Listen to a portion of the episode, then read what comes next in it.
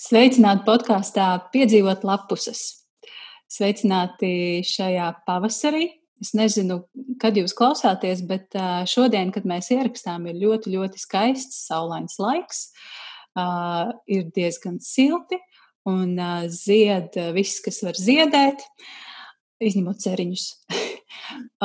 Un šķiet, ka pasaule ir ļoti skaista un gribas priecāties.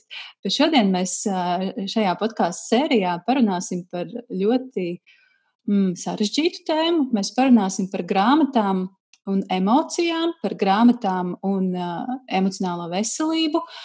Un uh, es pat gribētu izmantot tādu terminu kā psihoemocionālā veselība.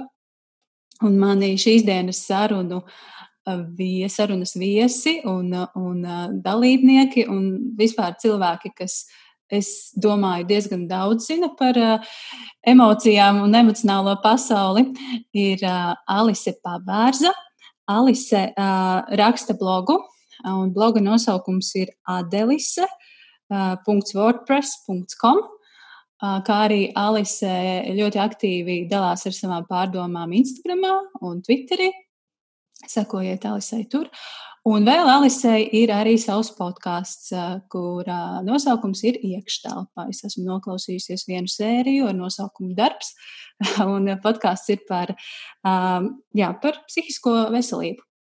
Un, uh, man ļoti patīk uh, klausīties podkāstus, kā jau jūs varbūt saprotat. Un uh, šī ir tēma, kas, uh, kas noteikti ir runājama un runāj, runājama. Sveika, Alisa! Čau, čau, čau, čau.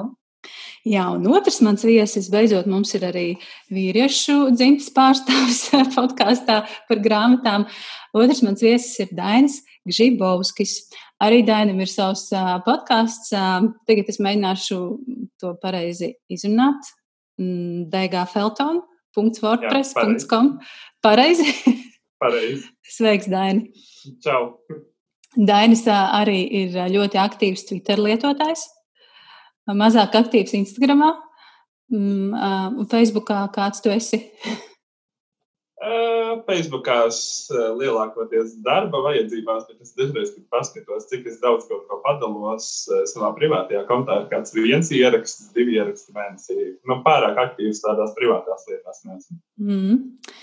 Jā, es jūs uzrunāju saistībā ar šo tematu, kas ir um, jā, emocijas un grāmatas un emocionālā pasaule un grāmatas, jo uh, vismaz manā uh, burbulī jūs esat tie cilvēki, kas par to nebaidās runāt. Alisa pirms uh, vairākiem gadiem, ne, ne ļoti vairākiem, bet uh, jā, pirms gadiem uzrakstīja blogu ierakstu, kur, kurā atklāti dalījās uh, ar savu depresijas stāstu.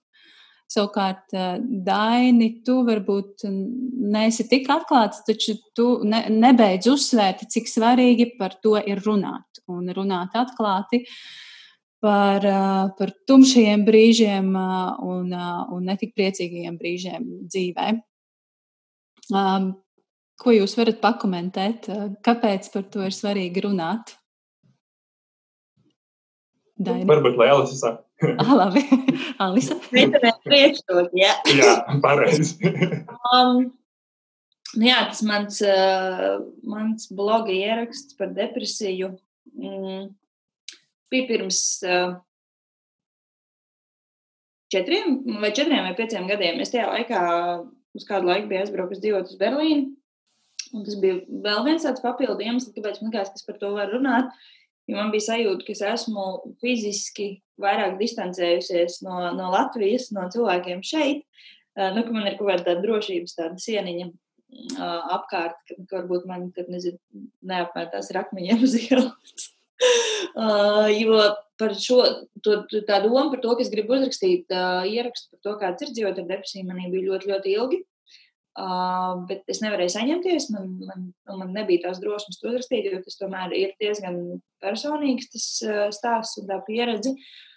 Un arī tā tēma ir toreiz, kad es rakstīju, es teicu, nu, kas iznāk no skapja uh, un, un, un, un pasaka, ka man ir depresija. Un, nu, man liekas, ka ļoti daudziem ir zināms šis te teiciens, iznāk no skapja, uh, kādā kontekstā to lieto, ka parasti tās ir kaut kādas lielas atzīšanās, kuras sabiedrībā uh, nepieņem vai uzskata par nezinu, nepareizām vai tam līdzīgām. Un, Un, un es atceros, ka manī nu, tāds pēdējais piliens tā, tam bija tāds, ka um, es runāju, Facebookā bija kaut kāds ieraksts par, par depresiju un tādu, un tur bija tik daudz aplamu komentāru, ka man vienkārši man lūza sirds no tā visa. Es domāju, nu, tā nevar, nu, tas, tas ir tik aplami, tas ir tik nepareizi. Un, un ir cilvēki, kas, nu, kas, kas cieš no tā visa, un, un viņi saņem pretī šo sabiedrības tādu aplamu attieksmi, tas nu, absolūti nekādu nepalīdz.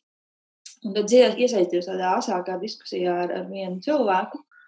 Un es sapratu, ka, nu, ka, ka viss, nu, tā kā man ir mērs ir pilns, un, un, un es par to uzrakstīšu. Un, un es uzrakstīju, un es domāju, ka, nu, kā, es uzrakstīšu, publicēšu, un tad es iešu. Es atceros, ka tā vēl bija pirmdiena, man bija kaut kāda darba jādara, un tā. Un, Un beigās tā viss tā pirmdiena pagāja, ka es vienkārši atbildēju uz e-pastiem, vēstulēm, komentāriem un visu, man gāza riņķī cilvēki, gan zināmi, gan nezināmi, kas, kas teica, ka, nu, kā paldies, un, un es arī tā jūtos, un, un ko man darīt, kur man meklēt to palīdzību un visu. Un, un tajā brīdī es sapratu, cik ļoti, ļoti svarīgi par to ir runāt, jo šādu cilvēku ir daudz, kuriem ir šīs psihiskās veselības problēmas vai traucējumi. Un, un to laiku es biju tiešām nu, tāda pirmā, varbūt man negribās tik skaļi teikt, bet nu, viena no pirmajām, kas par šo tēmu sāka kā, publiski runāt. Un, un, un tad, tad to varēja just vēl vairāk, cik daudz tie cilvēki, jo šobrīd man liekas, ka šī tendence jau ir, ir, ir uzlabojusies, un cilvēki par to runā, ar vien vairāk cilvēku par to runā, un man par to ir liels prieks. Uh, bet to laiku, jā, man likās, ka, nu, ka manī apgāzīs eh, no tā vien, cik daudz cilvēku saka, ka tas ir, eh, nu, paldies, ka tu to dari, jo man liekas, ka es esmu vienīgais tāds.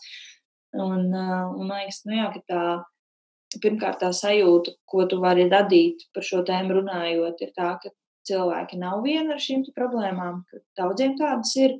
Tas ir pirmkārt, otrkārt, tas tiešām var palīdzēt cilvēkiem uh, kaut vai uzzināt elementāri, kur meklēt palīdzību un ko darīt praktiski, nu, no praktiskās puses, gan arī no tādas emocionālās puses iedrošināt. Nu, ka, ka tā varbūt nezinu, tā stigma par to, ka pie psihiatra iet, nu, tur ir pilnīgi galīgi trakie vai, vai kaut kāda tāda, ka, ka izlasot, nu, ka tā kā normāli sabiedrības locekļi, normāli cilvēki, ko arī iet uz terapijām, arī iet pie psihiatra, ka, nu, tas rada to kopības sajūtu. Man liekas, tā kopības sajūta cilvēkiem ir ļoti, ļoti svarīga.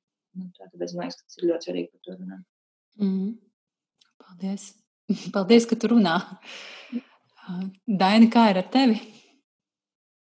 Jā, jā es piekrītu to, ko Alisa teica, ka ir diezgan grūti runāt. Es domāju, īpaši grūti par to ir runāt uh, tieši vīriešiem. Jo tieši vakar skatījos statistiku, un ir tā, ka sievietes daudz biežāk meklē palīdzību, un uh, vīrieši nemeklē tik bieži. Un statistika ir tāda, ka vīrieši Latvijā astoņas reizes biežāk izdara pašnāvības nekā sievietes. Mm. Un uh, es to varu teikt pēc sevis arī, ka ir ļoti grūti. Esmu runājis vispārīgi, bet uh, konkrēti par savu pieredzi. Man ir 14 gadus pieredze ar tādām problēmām, bet man joprojām ir uh, ļoti grūti runāt un, un, un tā atklāt tieši par savu pieredzi. tā kā es domāju, Alise ir milzīga drosme, ka viņi ir par to runās. Jo man joprojām 14 gadus uh, nav, nav, nav tādas drosmes saņemties par to uzrakstīt, par to tā runāt. Es varu runāt, jā, kad man ir bijusi depresija, man ir panikas laikums joprojām. Ar mentālo veselību visu laiku es cīnos, bet par to runāt. Kaut, kaut kā saņemties grūti. Es, ir bijuši gadi, kad es domāju, vat, uzrakstīšu blogā beidzot par to, uzrakstīšu blogā beidzot par to. Un esmu vēl joprojām saņēmies. Un šogad es domāju, arī tiesā izrakstīšu. Un, un daudz kas arī, kas ir skar tieši par to mentālo veselību, ir tā, ka tur ir iesaistīti citi cilvēki, citi notikumi. Un es nezinu, vai es gribētu arī to viņa, viņa to daļu izstāstīt tikai savā stāstā. Tas tā kā, kā nevar. Mm. Nu, jā, tas tā kā kaut kā īstenībā viss arī būtu. Mm. Nu, skaidrs. Nu, varbūt tev pēc šīs sarunas atvērsies kaut, kā, kaut kāda čakra vai, vai varbūt vēlme vēl vairāk padalīties Jā, savukārt es par sevi varu teikt, ka Man šķiet, ka es joprojām neesmu sapratusi, kas, kas ar mani brīžiem notiek, un joprojām neesmu nosaukusi to vārdā, kas ar mani brīžiem notiek un kāpēc notiek.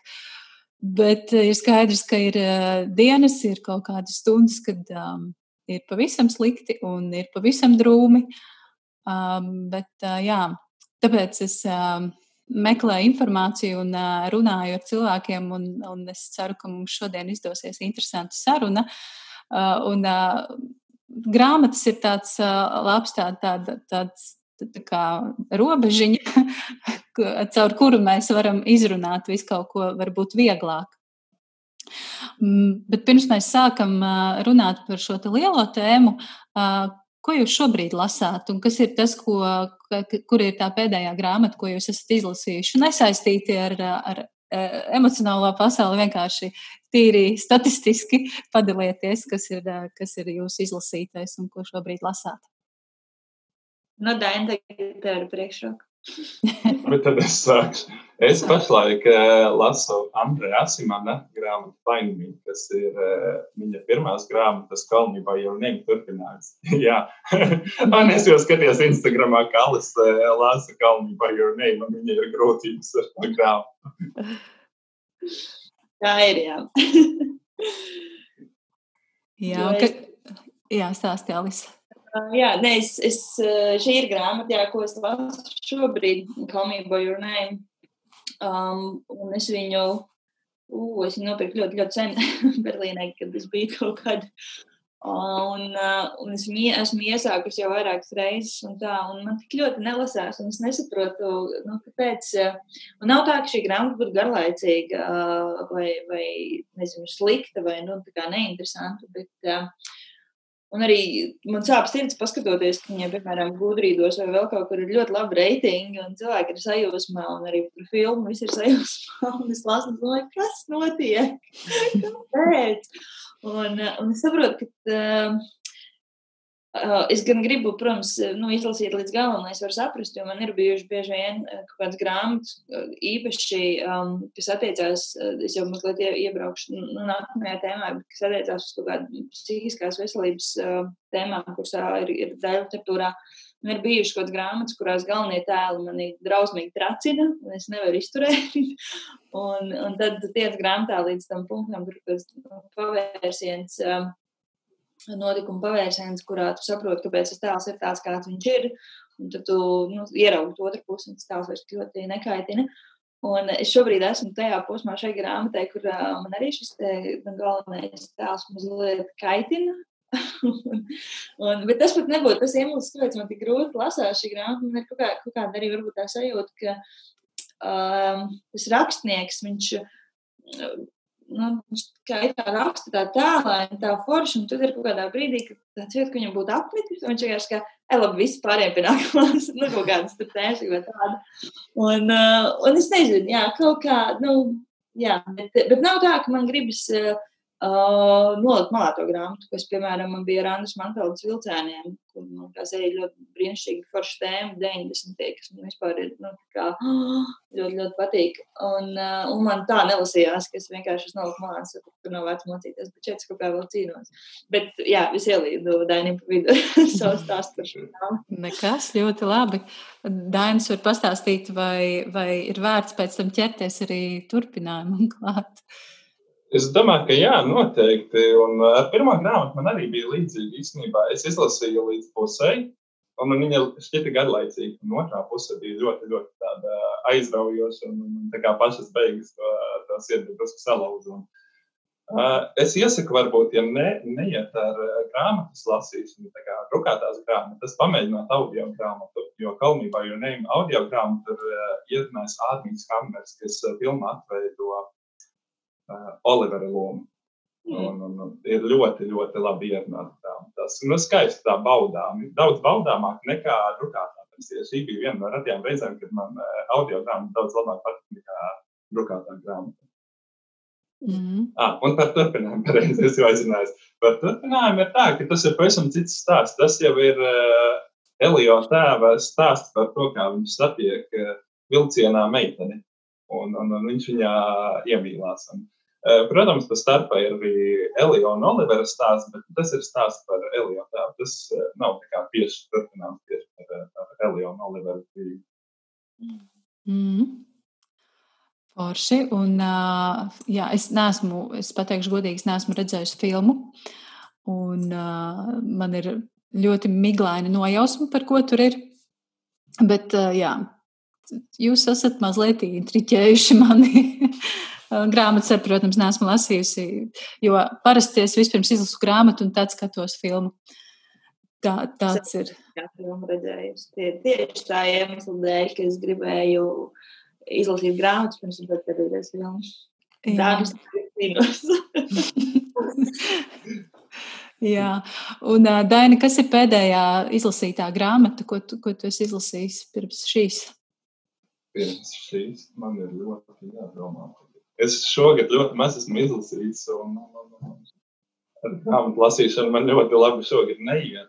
Ja es daudz strādāju, tad es strādāju, tad es nogaros, un es strādāju tekstiem, un ar mm. tekstiem strādāju pēc tam īsti. Nu, vismaz man negribās pēc tam daudz lasīt, acis ir nogurušas. Mm. Un, un, un gribas atpūsties no tādas. Šogad kādus četrus esmu izlasījis, bet iepriekšējos es pat neatceros. Jā, un Alisa, kā, kā ir ar tevi? Um, nu man sanāk šobrīd pretēji, jo es tieši domājot par šo jautājumu, nu, ka, kas ir pēdējā izlasītā, es sapratu, ka uh, nu, chronoloģiski laikā, protams, ir tā viena pēdējā izlasītā, bet uh, pēc sajūtām um, man sanāk, ir trīs grāmatas, kuras varētu teikt, kā pēdējās izlasītās. Um, Viena no tām ir, uh, es salasīju, es nekad neatceros nosaukums, tāpēc es pašpikošu Maikla Korīta trilleris, ja viņa modīsies, kas ir nu pat iznācis uh, kontinenta apgādā, kuru es izlasīju um, pusotras dienas laikā. es nevarēju viņu nolikt malā. Es viņu iesāku sestdienas pēcpusdienā, un svētdienas pēcpusdienā es viņu pabeidzu. Un, un, un, un beigas šai grāmatai es lasīju pie jūras, sēžot mašīnā, jo es gribēju apvienot. Nevarēju nolikt malā grāmatu, gribēju zināt, kas tur notiek. Jo tie notikumi ir tiešām ļoti uh, spraigi, tādi, ka viņi mainās burtiski pēc, pēc lapas. Nu, tev ir tāds, ah, izlasīšu šo, lapu, šo lapu, un tad liekas, nu, likšu nost, bet tajā brīdī sākas kaut kāds nākamais pavērsiens, un, ah, nē, es nevaru nolikt. Un, uh, un jā, un es vienkārši aizbraucu ar mašīnu uz jūru, tādā skaistā vietā, kur sēžot mašīnā, tu vari redzēt jau jūru, ka nav jāiet cauri kāpām vai kaut kam tādam.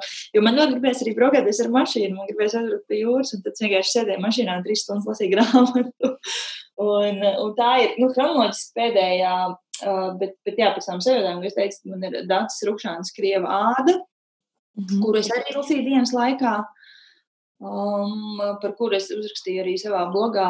Un, un, ja kāds grib kā plašāk izklāstīt par šo grāmatu, var, var to izlasīt blogā. Bet īsumā, jā, man patika šī grāmata, bet man liekas, ka es kaut ko tādu jau esmu lasījusi. Un, uh, un ar to kaut ko tādu, es domāju, to, ka šī tēma par padomju laiku Latvijā un sieviešu mātes meitu attiecību, man liekas, pēdējos gados ir latviešu literatūrā ļoti daudz aprakstīta. Un, un šī grāmata bija laba, bet eh, nu, man bija tāds sajūta, ka nu, jā, dats mazliet nokavēja. Nu, ja šī grāmata varbūt būtu bijusi pirmā, ko es izlasu no šāda tipa grāmatām, uh, iespējams, man viņa patiktu ļoti, ļoti. Uh, un, un, un, un iespējams, ka citas līdzīgās grāmatas man vairs nu, ļoti neuzrunā. Bet mana mīļākā pēdējā izlasītā grāmata ir uh, Dezorientāliste no Negaras Džavadī, kas ir Irāņu, Irāņu rakstniece Parīzē dzīvojoša. Un šis ir ļoti, ļoti skaists stāsts. Šo grāmatu es tiešām varu ieteikt. Viņa arī nu pat ir iznākusi Jāņa Rozes apgādā. Un, un, un, un tas ir tāds uh, kaut kāds maģiskā realisma noskaņu stāsts uh, par, uh, par ģimeni Irānā, kas uh, visu mm, šo politisko apsvērumu dēļ bēg uz Parīzi. Un, un, un tas stāsts aiziet uz visām pusēm ar visu tādu krāšņo mm, Persijas kultūras, Irānas kultūras un visu tā, tās, tā gala kultūras aprakstiem un, un harēmiem un dzimtas stāstiem. Un, un visu. Un, un tie pašā laikā ļoti skaidrs stāsts par cilvēku kā tādu, par, par uh, viņa personību, par, par to sajūtu, nu, ka tu esi viens tāds. Kāds tu esi, un, un, un tas trešais aspekts ir jā, par integrēšanos citā kultūrā, mm. tā vidē. Un, ļoti tāda, ļoti daudzos slāņos dziļa grāmata, kas, uh, kas jā, man uzrunāja ļoti tiešām no daudz dažādiem aspektiem un, un arī bija, bija ļoti patīkami lasām vēl. Jā, dezorientālisti es arī esmu gandrīz nu pat, nu pat izlasījusi. Un tas, kas man tur visvairāk patika, jā, bija šī informācija par Irā, Irānu un Irānas kultūru. Un es biju pārsteigta. Nu, es sapratu, ka es neko nezinu par to, par to reģionu, gandrīz neko nezinu. Un klasiski, protams, jūka Irāka, Irāka ar Irānu, ka, par ko bija arī atsauce grāmatā. Un es biju pārsteigta, cik, cik šī kultūra senatnē bija bagāta. Un pat ne senatnē, pat, nu, pat vēl pagājušajā, jā. pagājušajā Septiņ. gadsimtā. Jā. 17 gadiem, jā. Un, mm. un tas tiešām tas arī bija man tāds ļoti, um, um, nu, tāds diezgan uh, Tas man nebija pārsteigums, nu, zinot par, par to, kā tā Irānas vēsture ir, ir, ir šobrīd, bet nu, tas, cik dzīvi tas bija aprakstīts par to, ka, nu, kāda tā dzīve bija pirms tam, kādi tie, tie cilvēki tur dzīvoja un, un, un, un, un, un kā, kā tas viss mainījās, kad tas radikālais islāms nu, nonāca mm. pie varas un yeah. pie varas politikā un reliģijā un visur, un cik ļoti tas ir izmainījis to, to visu valsti un, un cilvēkus un visu. Un, uh, Tas bija tāds, jā, tāds, tāds nu, grāmatā to ļoti tā sāpīgi un skaudri var just. Mm. Man liekas, tur jau kaut kādas paralēlas var būt, var savilkt ar mūsu pašu, nu, kā Latvijas vēsturi, bet arī kādiem okupācijas gadiem un visu, un, un, un tam līdzīgām lietām, ka, nu jā, cik, cik ļoti tev tas, tas viss politiskais aspekts var izmainīt cilvēku dzīves. Ja, ja varbūt tur Uh, Irānā viņi labprātīgi bēga, devās projām, un viņš arī šāva nost, jo viņi neatbild kaut kādām prasībām. Nu, tad, liekas, tās ir arī paralēlas, ko mēs varam redzēt ar izsūtīšanu uz mm. Sibīriju vai, vai bēgšanu uz, uz Zviedriju vai, vai kaut kur citur. Un, un, un tāda, nu, kā atšķirās tikai varbūt tā, nezinu, formāts vai motivācija, bet, mm. bet, bet no tiem visiem šausmu darbiem, bet lielam, jā, nu, tāds tiešām ļoti, ļoti uh, patīkams stāsts, gan literāri baudāms, gan arī no tā, kā tu teici, no aspekta, ka var uzzināt daudz ko par Irānu. Mm. Kā kultūru. Jā, savukārt es nu pat esmu izlasījusi, šonakt izlasīju Silverērumu pirmo daļu. Uh, Un es biju, pirmkārt, biju dusmīga uz sevi, ka es tikai tagad šo grāmatu esmu paņēmusi rokās. Es nezinu, vai jums tā ir, ka jūs kā apzināti vairāties no kaut kādiem ļoti saslavētiem darbiem. Jo, jo šis ir mans gadījums ar šo grāmatu. Es uh, biju lasījusi ļoti daudz labu atsauksmju, un uh, visi slavē, un man liekas, nu, nu ko, kas, nu, kas gan tur tāds var būt. Un, un vai nu man interesēs 17. gadsimta Lietuva un, un vēsture tik sena, un, un tā, bet tad, kad es sāku lasīt, tas bija vienkārši uh, māma. Uh, ka vispār tā var uzrakstīt, tā kā ir uzrakstījusi lietuviešu rakstie, rakstniece Kristīna Sabaļovskaita, ar lapušu gariem teikumiem, kas vispār ne brīdi neaizķeras. Es lasu, es kampju tādiem lieliem malkiem to tekstu, un man tik ļoti patīk. Un, un man liekas, ka tie varoņi ir tik stilīgi, un, un tur ir tā viļņa un viņas universitāte un, un uh, to studentu cī, vielu cīņas. Un, uh, tiešām es, es lasīju, un uh, es redzēju, gar acīm redzēju Netflix seriālu. Man liekas, ka šis, šis romāns ir pelnījis, goda vārds pelnījis Netflix seriālu. Jūs esat lasījuši? Nē, es, es neesmu. Um, un man ir, ja, ja tu saki, nu, ka tev ir grāmatas, no kurām tu izvairies, uh, jo visi par viņām runā, man ir kaut kā drīzāk tāds aspekts, ka man ir kauns, kas vēl neesmu izlasījis, var ko. un, un šī ir viena no tām grāmatām. Jā, es esmu dzirdējuši ļoti daudz atsauksmes, um, ļoti daudz labas atsauksmes, ļoti daudz dažādiem cilvēkiem par šo grāmatu, bet es pati vēl neesmu jā, šim, šim ga, gara darbam pieķērusies. Forši, es, es apskaužu tevi, ka varbūt tu kādreiz izlasīsi, un, un man, man jā, gribētu zināt, kā, kā tev patika. Daini, tu esi lasījis Silverērumu? Es neesmu lasījis, kaut gan man tā šķiet, ka visi mani lasošie draugi ir jau izlasījuši. Es vēl ne.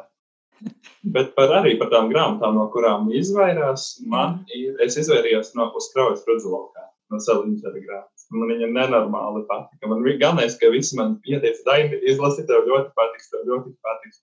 Es kādus 5, 6 gadus tā. Un beigās izlasīju kristālā sajūsmā. Mm. Viena no mīļākajām grāmatām joprojām. Rekā, jā. Man liekas, ka Silverērum arī būs manā mīļāko grāmatu topā. Bet uh, es, uh, es tā atkal man ieslēdzās kaut kāda baila iekšā. Man ir bail lasīt turpinājumus, jo ir trīs turpinājumi. Un, uh, un es tieši vakar izlasīju, ka turpinājumi nesot tik labi. Un, Nu, bāc. ne, bet es lasīšu, es lasīšu. Man, man vienkārši ir interesē, kas tur notiek ar tiem varoņiem. Un tā. Jā, un savukārt šobrīd es lasu šo te jaunumu no izdevniecības dienas grāmata, kas ir Kristīnas Ubergas jaunākais romāns Karieta uz Santiago. Viņa tur raksta par savu gājienu pāri Spānijai uz Svētā Jākaba katedrāli. Jūs esat dzirdējuši par šo pārgājienu, svētceļojumu. Tā kā man pašai ir šī, šī pieredze, pati esmu nogājuši šo ceļu, man ir ļoti interesanti lasīt. Es esmu izlasījusi pirmās 20 lapus, un man jau ir tādi atmiņu uzplaiksnījumi. un, un pilnīgi tāda sajūta, ka es vēlreiz esmu tur un uh, atgriežos tajā tajā pasaulē un sajūtās. Man liekas, ka šī grāmata arī mazliet sasaucas ar šīs dienas tēmu, jo nu, ir divi varianti, kāpēc cilvēki iet šo ceļu, Svētā Jākaba ceļu. Vai nu viņiem ļoti gribas piedzīvojumus dzīvē, vai arī tas ir kaut kāds iekšējs, iekšēji, iekšē, iekšējās pasaules vadīts impulss, ka kaut kas ir jāskārto sevi, un tad cilvēki dodas garā, 900 km garā pārgājienā. Nu, tā ir, ir, uh, nu, tas ir viņas atmiņu stāsts, vai tas ir kaut kāds dailitūras uh, stāsts ar, ar viņas kaut kādu elementiem, kādu pieredzi? Nu, tā kā anotācijā uz grāmatas pēdējā vāka rakstīts, ka tas nav klasisks ceļojuma apraksts, bet nu, tur ir Tur ir uh, reāls situācijas, man liekas, bet kā tur, tur ir arī, uh, kā Guntis Berels raksta, vizionāras uh, tādas uh, ainas. Es vēl esmu mhm. pašā sākumā, un, un jā, es uh, arī interesi lasīšu tālāk, kas, kas un kā tur īsti būs. Tālāk. Jā, esam aprunājuši izlasīto un, un lasāmo. Vai jūs sekojat arī līdzi izdevniecību jaunumiem? Jums interesē, ko izdevniecības izdod, un vai jūs paskatāties, kas, kas jauns un kas jauns tūlīt būs? Tā, labi, šoreiz es sākšu. Tā, es parasti skatos, jā, es diezgan uh, aktīvi, regulāri sekoju, kas ko uh, izdod. Īpaši zvaigzni jābēc, es skatos, jo viņi ir visaktīvāk izdevumi. Es paskatos parasti drīzumā gaidāmo grāmatu sarakstu un jaunāko, kā, kas jau ir iznākušas. Citām izdevniecībām es sakoju Instagram vai Facebook, un tur parasti viss parādās. Un, Tā, un skatījos tieši par arī atkal atgriežoties pie tās mentālās veselības, skatos, zvaigzni jābeidz ar drīzumā būs dzēja ašara 13 iemesli, kāpēc. Nezinu, tā tieši vai latviešu tāds nosaukums. Nu, tā kā tieši no angļu valodas tulkojot, tā kā tāda vajadzētu būt. 13 iemesli Džejas Ašers nu pat ir izdota. Nu pat izdota? Jā, un Jā. es jau izlasīju, man šķiet šodien vai vakar pirmo atsauksmi Instagramā. Tālūk. Man ir šī grāmata, un stāv plauktā angļu valodā. Es viņu nopirku, nu, tad, kad seriāls bija iznācis. Un, un, un es viņu neesmu izlasījis, es neesmu vienkārši tikusi vēl tik tālu. Man ir ļoti daudz grāmatas, kuras es nopirku rindu. Uh, Manā māsā, kad viņa sāka lasīt, un viņa teica, ka viņai seriāls ir paticis labāk. Bet uh, nu, manā māsā ir vairāk arī seriāla cilvēks nekā grāmatu cilvēks. Tā kā es varbūt viņas viedoklim neuzticētos šajā gadījumā. Bet uh, jā, tā ir grāmata arī, ko es gribētu izlasīt. Uh, nu, kaut vai tīri, lai varētu salīdzināt tiešām kā ar, ar seriālu. Un ir forši. Um, ka šādas grāmatas tulko latviešu un, un izdod latviešu. Lai gan man liekas, ka jaunajai paudzei, tiem, kuri lasa grāmatu, jau nav problēma lasīt arī angļu valodā. Bet, uh, bet es pieņemu, ka ir arī, nu, un es ceru, ka ir arī tās paudzes cilvēki, kuriem varbūt angļu valoda nav tā stiprākā puse, uh, kuri arī tomēr lasa šādas grāmatas un, un tad var kaut kā saprast. Uh, šo te, no, to, to mentālās veselības pusi un, un nozīmīgi. Tā, jā, man liekas, ka ir, ir forši, ka šāda veida grāmatas tulko un tās nonāk arī, arī mūsu vidē. Mm -hmm. Jā. Es seriālu neesmu redzējusi. Man kaut kā ļoti bail viņu skatīties. Bet es visticamāk, ka es izlasīšu grāmatu.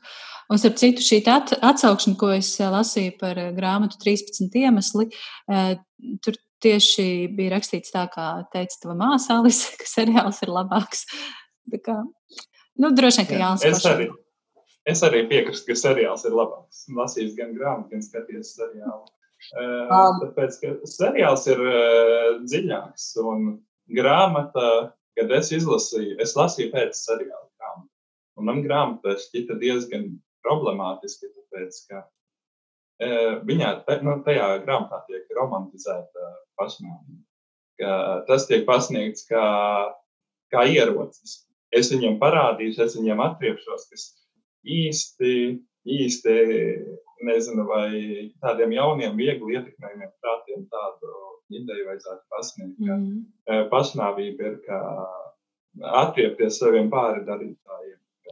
Nu, tas stāsts ir par meiteni, kur atstāja audio kasetes, noklausīties 13 saviem pārdarītājiem.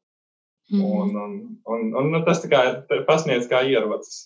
Daļai, jā, viņa izdarīja pašnāvību, jā, viņa bija ļoti sāpināta, bet tas tā pasniegšanas maniera, viņa bija Hanna tajā grāmatā, viņa bija ļoti, ļoti dusmīga. Nu, nepārtraukti viņa nebija sāpināta, vairāk tajā, tajā grāmatā spiedās cauri tās dusmas, nevis sāpes. Nu, kaut gan arī tās ir attiecīgas sajūtas. Arī, bet, nu, tur, ir, tur ir labās lietas, un ir arī sliktās lietas. Un es arī blogā esmu rakstījis arī seriālā, un 13 lietas, kas patika un kas nepatika tajā seriālā. Jo seriāls arī nebija tā, ka viņš galīgi nebija problemātisks. Tur arī bija tā, kā, nu, diezgan, diezgan nopietni romantizēta pašnāvība. Un pēc tā seriāla, vismaz Amerikā, bija tā, ka bija novērota līdzīgi pašnāvību gadījumi jau, jaunu cilvēku vidū, ka viņi izdarīja pašnāvību un pēc tam atstājas sevis kasetes vai audio failus. Kā, nu, mm. Izdarīja pašnāvību katru dienu. Mm. Es tieši gribēju teikt jā, to, ka, nu, kad runāju par grāmatu, kad ļoti romantizē to, to, to pašnāvības aspektu, tad man arī seriāls skatoties jau tā likās. Un, Un, uh, nu, jā, par pašu arī seriālu runājot, liekas, nu, ka pirmā sezona vēl bija nu, skatāma, bet otrā sezona man likās jau, ka ir uh, nu, pilnīgās audzās. Un, un, un, protams, nu, tur arī viss tā, tā amerikāniskā vide, nu, kas tomēr atšķirās krietni no, no, no, no, no mums Eiropā.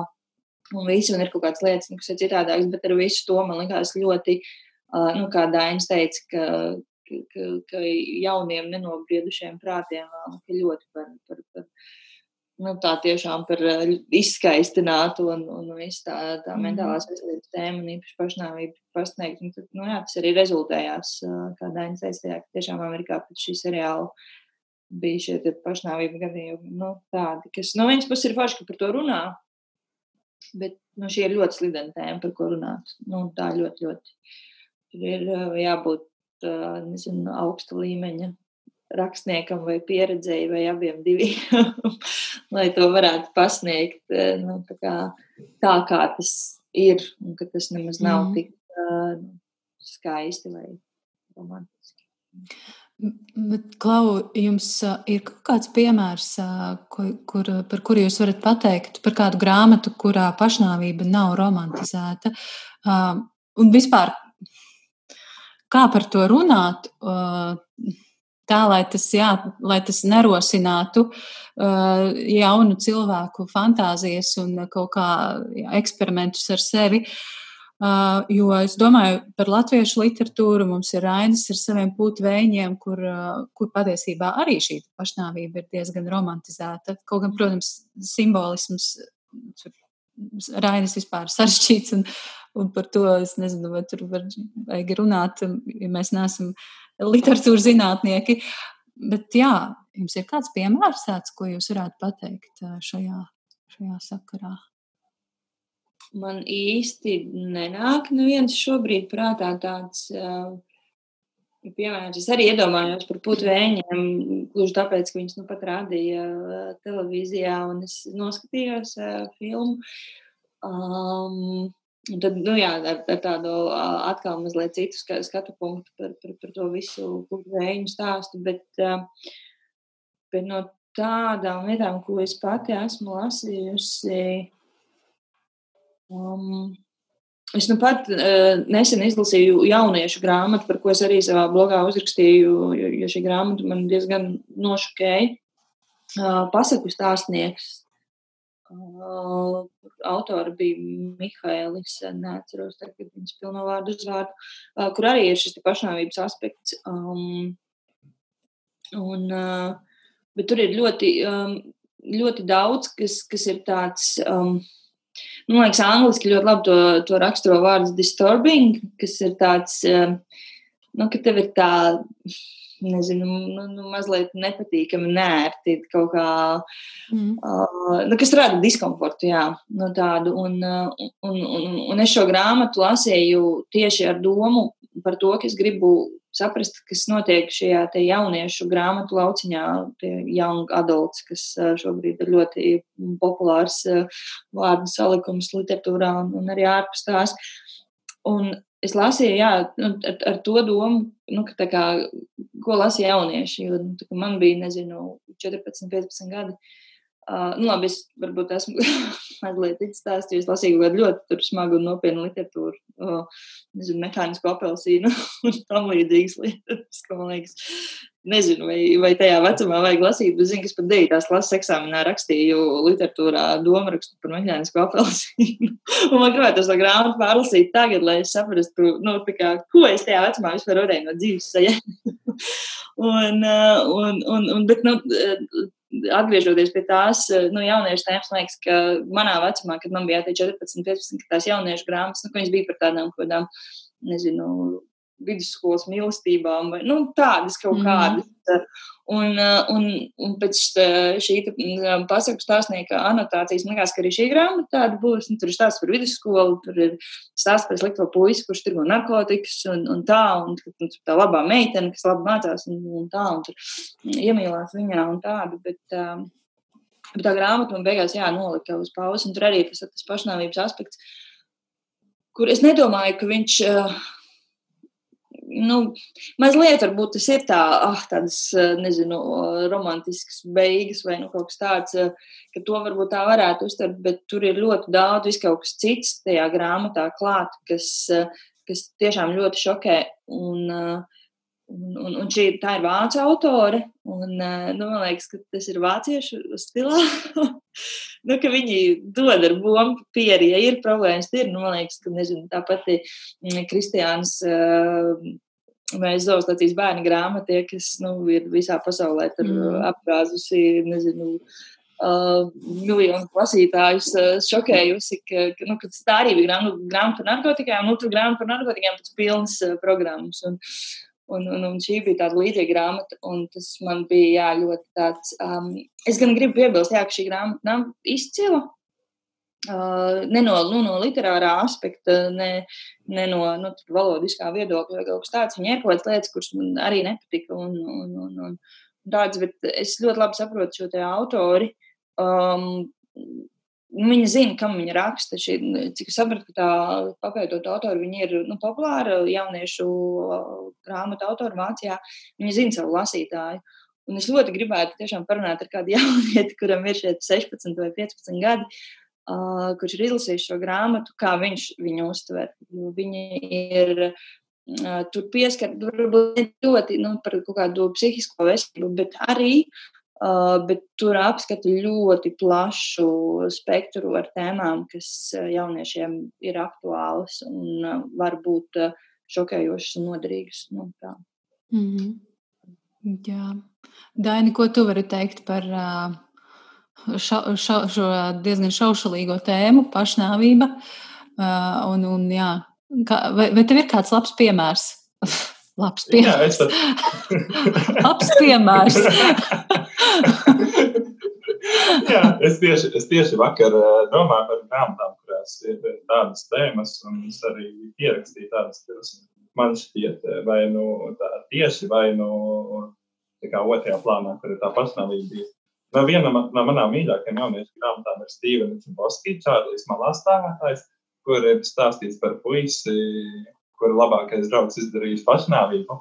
Un kāda tā dzīve ir pēc tam. Un viņam ne tikai tur, es negribu sabojāt visu grāmatu, tur bija ne tikai tas, ka viņš tas puisis kā, emocionāli cieta no tā, ka viņa labākais draugs izdarījis pašnāvību. Tur arī bija eh, citi notikumi viņa bērnībā, viņa ģimenē, kas to, to visu ietekmē. Tas ir ļoti, ļoti labs piemērs. Viņa tiek salīdzināta ar uz kraujas rudzelokā. Viņa tematiski esot tas pats apmēram, mm. un tikai 21. gadsimta versija.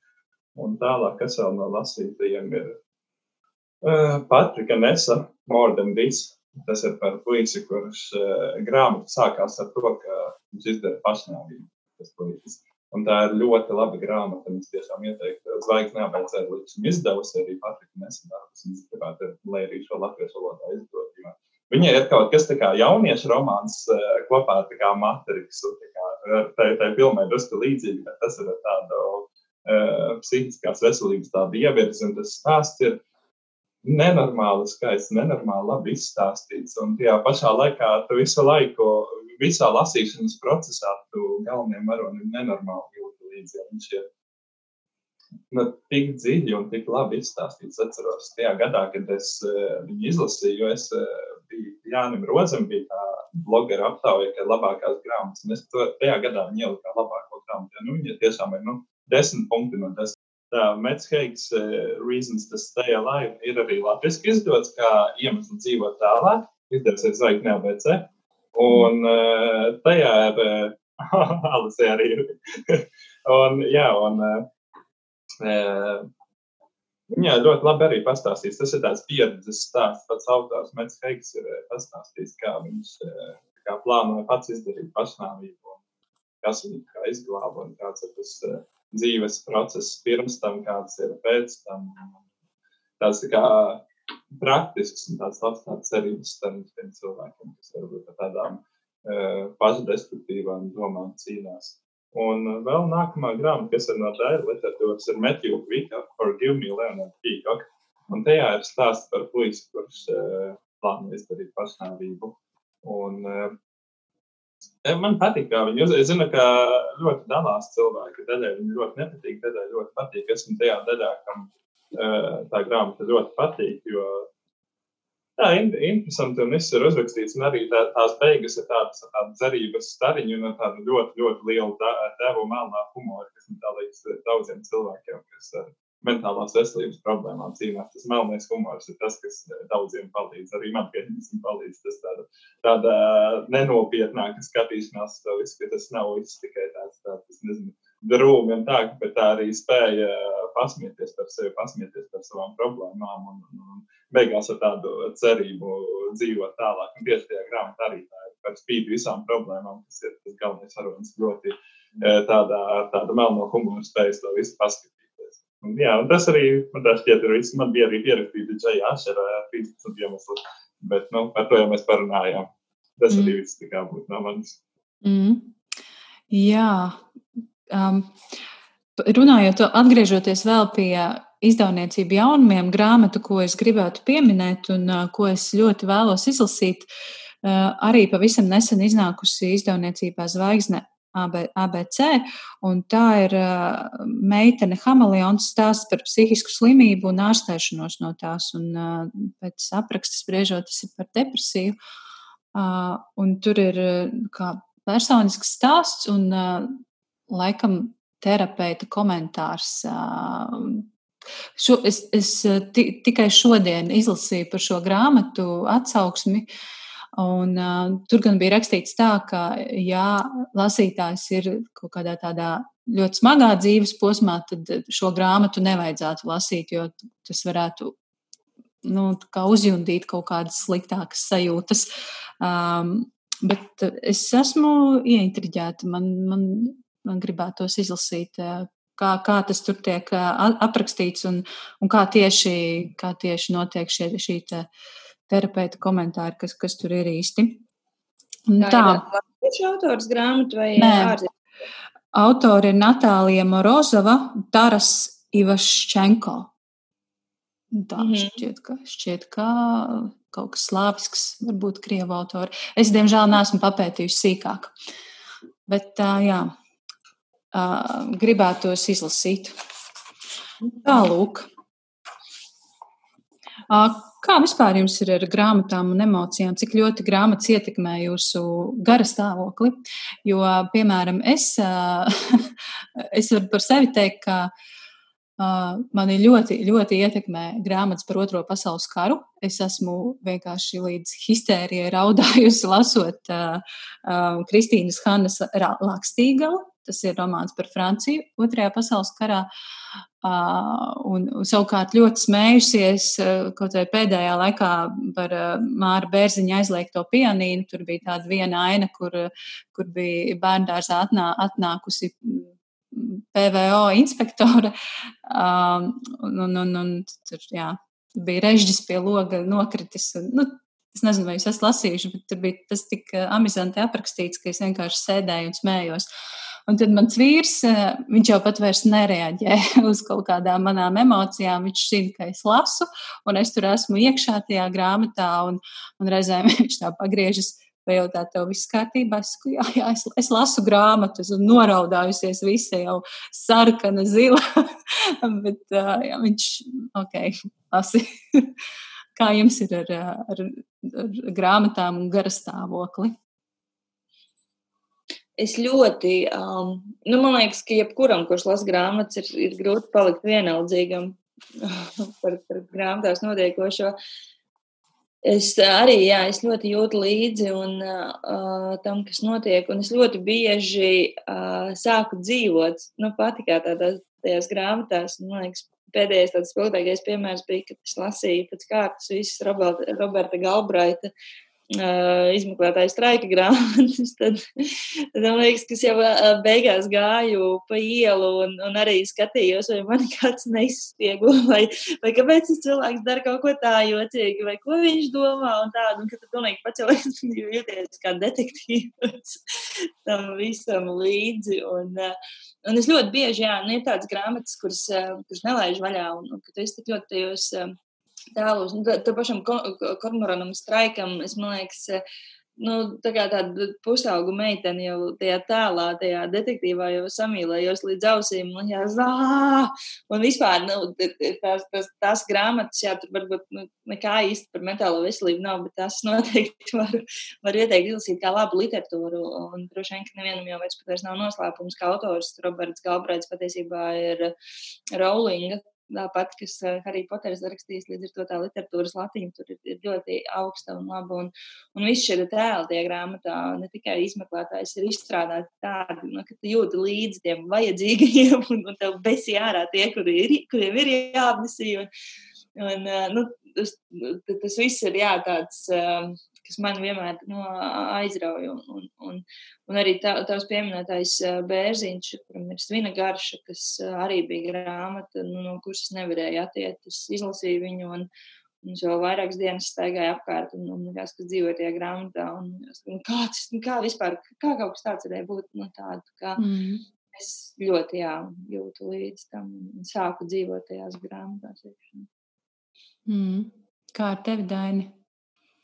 Es tāds eh, pārāk emocionāls lasītājs neesmu, bet es nenormāli smējos. Nenormāli smējos, kad lasu. Es arī pie tādiem, no tādiem netik super smieklīgiem jokiem esmu tāds cilvēks, kurš naktsīdos miesies vienmēr par, par tādām, no, nu, smieklīgiem momentiem, kā tika stāvīt. Bet eh, pat tā, ka saskumdinātu vai kā. Man ir skumdina nenormāli, ir grāmatās, ja bērni vai, vai ar bērniem vai ar suņiem kaut kas notiek. Un, un, un tie ir tie momenti, un es atceros, uh, ka visvairāk man skumdināja bija viens tāds uh, moments, bija Patrika nesen nazisko neatlaist. Un tur bija ar suni kaut kas notika. Un vada spēlēs, kur ar mazu meiteni kaut kas notika. Un tie bija divi momenti, kas man nenormāli skumdināja. Tas ir tā, uh, liekas, ja vēl kaut kā par pieaugušu cilvēku vai ko kaut kas ir aprakstīts, tad nav tā, bet ja ir aprakstīts kaut ko nevainīgu, kas nevar sevi aizstāvēt vai ko, un, un, un, un tas, tas, tas krietni vairāk skumdina bērni vai suņi. Tās ir div, divas lietas, kas grāmatā, ja tiem tiek nodarīts pāri, ļoti skumdi. Mm. Jā, es, es atcerējos grāmatu apglabājiet mani aiz grīdlīstes, kur ir, nezinu, vai es esmu lasījuši, bet tur ir tāda ļoti uh, Ļoti mm, satraukta vecmāmiņa, kas to savu mazdēlu sargā nu, no pilnīgi visa, un viņa principā viņu tur, tur būrī. Uh, bet, nu, tur, protams, arī īstenībā tas arī varētu būt stāsts par psihisko un emocionālo veselību. Un, un man bija diskusija par šo grāmatu ar vienu kolēģi. Viņa teica, vai tu varēji šo grāmatu lasīt, prasīja man, vai tu vari šo grāmatu lasīt pēc tam, kad tev ir piedzimis bērns. Jo viņa vispār nevarēja nu, emocionāli izturēt to stāstu, kā it kā tā vecmāmiņa dara pāri tam puikam. Uh, un, un, jā, mēs tur diskutējām par savām sajūtām. Un, un, jā, tas ir par tēmu darīt pāri bērniem un dzīvniekiem, Daini. uh, jā. Tev vēl ir kāds komentārs par, par, par garu stāvokli? Par garu stāvokli? Nu, varbūt, varbūt ir kāda, nedaudz. Varbūt nedaudz. ir kāda grāmata, par kuru tu atceries, kura tev ir sasmīdinājusi ļoti, ļoti pēdējā laikā sasmīdinājis. Man ir ļoti tagad jādomā, vai es katrā grāmatā atrodu kaut, kaut, kaut kā tādu smieklīgu, par ko var smieties. Bet tā, ka tīra garstāvokļa grāmata, kas eh, vienmēr spēja uzlabot, ja gribās uzlabot garstāvokli, tāda, tāda tā kā mājīga sajūta, tā ir Harry Potter sērija. To esmu vairākas reizes pārlasījis, un vienmēr ir gribās tādu mājīgumu, siltumu sajūtu. Harry Potters ir tas, ko es lasu pārlasīju. Yeah. Šokējoša ziņa, es neesmu lasījusi nevienu Harry Potteru un īsnībā arī nevienu filmu neesmu redzējusi. Man ir, jā, man, tas ir tas pats stāsts, ja kaut kas ir ļoti saslavēts, tad es kaut kā no tā meistarīgi esmu izvairījusies. Bet tā īsnībā es ļoti vēlos izlasīt, un es uh, droši vien, ka to arī izdarīšu. Īpaši tagad, kad zvaigzne ir pārizdevusi, beidzot tās grāmatas ir dabūjamas un nav jāmedī. Uh, kaut kur bibliotekās vai, vai tirdziņos, grāmatu tirgos. Kā, jā. um, es zinu, Alisa, ka, ka tu esi uzrakstījusi veselu blogu ierakstu par grāmatām, kas uzlabo garastāvokli. Nē, bet kā, kā bija precīzi grāmatas, kas iepriecina? Jā, jā, jā, jā. Es, um, um, arī bija pirms kaut kāda neilga laika, diviem, trīs gadiem. Um, es biju dienas stacionārā, klinikā un uh, ārstējos tur. Un, un tā ir lieta, ko es, nu, arī ko es varu teikt, no kuras nevajag baidīties. Tas nenozīmē, ka tev ieliek psihikai baltās sienās vai kaut ko tādu. Uh, man liekas, ka šī iespēja par uh, apmeklēt šo dienas stacionāru, es to uztveru kā tādu skoliņu, kurā tu katru dienu mācies kaut ko par sevi. Kur tev ir, ir dažādas tās nodarbības, grupu nodarbības, terapijas un šādas tam līdzīgas lietas, kas ļoti, ļoti palīdz un kas palīdz tad, ja ir, ir, um, ja ir grūti, ja ir kaut kādi nu, slimības uh, sāsinājumi vai kādi traucējumi sāsinājumi. Un, uh, un, un, un tur es iepazinos ar vienu sievieti, um, kaut kā mūsu tā, tās sarunas vienmēr bija par grāmatām. Un viņa teica, ka viņa nevar palasīt, jo viņai ir, nu, ka viņa nevar neko skumju palasīt, jo viņai jau tā ir skumja, un tad nu, viņai ir jāraud vēl vairāk. Un, un, un, un jāskamst vēl vairāk. Un kaut kā man šī saruna ļoti uh, uh, aizkustināja, aizķēra. Un atnākot mājās, es domāju, ka es gribu uztaisīt šai sievietei grāmatu sarakstu, kuras iepriecina. Uh, no sākuma es atlasīju savas, kas, nu, kas man likās grāmatas, kas man ir iepriecinājušas, ko es lasījusi. Un, un tad es uh, aptaujāju arī cilvēkus uh, internetā, lai padalās ar savām grāmatām. Es izveidoju šo sarakstu, es ar roku viņu uzrakstīju, ieliku aploksnē un uzdāvināju šai sievietei, kad mēs nākamajā reizē satikāmies. Kopš tā laika es viņu vairs neesmu satikusi. Es nezinu, kur viņa ir, kas ir ar viņas dzīvi. Es ceru, ka viņai klājas ļoti labi un ka viņa ir izlasījusi vismaz kādu no šīm grāmatām. Bet uh, man šī ideja likās ļoti skaista um, un, un tāda, nu, iedvesmojoša. Nu, varbūt, uh, ka es to publicēju arī savā blogā. Un, un ik pa laikam īstenībā ir cilvēki, kas tā arī prasa, nu, ka viņi grib izlasīt kādu grāmatu, kas iepriecina. Un tad es parasti nu, padalos ar linku, un es saku, nu, varbūt kaut kas no šī noder. Un, uh, man bija ļoti interesanti arī nu, aptaujāt tieši šos cilvēkus, lai viņi padalās ar savām grāmatām. Uh, un ieraudzīt, cik dažādas lietas, dažādas grāmatas, dažādus cilvēkus iepriecina, kas man varbūt likās, ka tur nav nekā priecīga. Kādam ir tiešām, un kas ir ļoti grāmata, nu, tāda, kas uzlabo garstāvokli. Un, un tas bija arī interesanti. Um, bija daudz grāmatas, kas patiesībā ir skumjas. Kas, kas, kas nu, man liekas, es viņu sauc par tādām sālskāpju maizes grāmatām. Ļoti labs nosaukums. man ir tas, tas, jā, man liekas, ka vārdu smeldzi ļoti labi var izskaidrot ar, ar salckābu maizes apzīmējumu. un, un, un, un šis grāmatas ir tāds, jā, ka viņš varbūt ir skumjs, ka tu izlasi un tev paliek, tā, tā darbība ir skumja, bet tev paliek tāda tik gaiša sajūta par to, ka tu beigās saproti, ka caur tām skumjām tu tomēr esi, nu, iepriecināts. Un, Un jā, nu man ir šāds saraksts, un ja kādreiz kādam gribas uh, izlasīt kādu grāmatu, kas, kas, uh, kas viņu varētu iepriecināt, tad droši vien, tur var mēģināt atrast kaut ko. Tur ir gan latviešu, gan ārzemju autoru darbi, literatūras klasika, mūsdienu literatūra, viss, ko, ko, ko cilvēki ir ieteikuši, ko viņi ir lasījuši un kas viņus ir iepriecinājis. Mm. Jā, mani, mani ļoti iepriecina bērnu grāmatas, un, un jā, jauniešu grāmatas arī man ļoti patīk. Un, uh, Un manā pēdējā laikā visu mīļākā bērnu grāmata ir Marijas Pārras Vafeļu sirdis, ko es saku visiem, lūdzu izlasi, lūdzu izlasi. Un, un es pat nezinu, vai bērniem šī grāmata tik ļoti patīk, kā tā mēdz patikt pieaugušajiem. Un man viņa liekas ārkārtīgi skaista un priecīga un mazliet uh, saldskāpmaizē, kā to Alis saka, saki, uh, jo tur, tur arī tāds uh, skumjš notikums. Uh, Bet uh, kopumā, jā, kaut kā skandināvi reizēm tā māku uzrakstīt, uh, ka gribas uh, raudāt un, un smieties, priecāties reizē. Un tas ir tā ļoti atbrīvojoši iekšēji.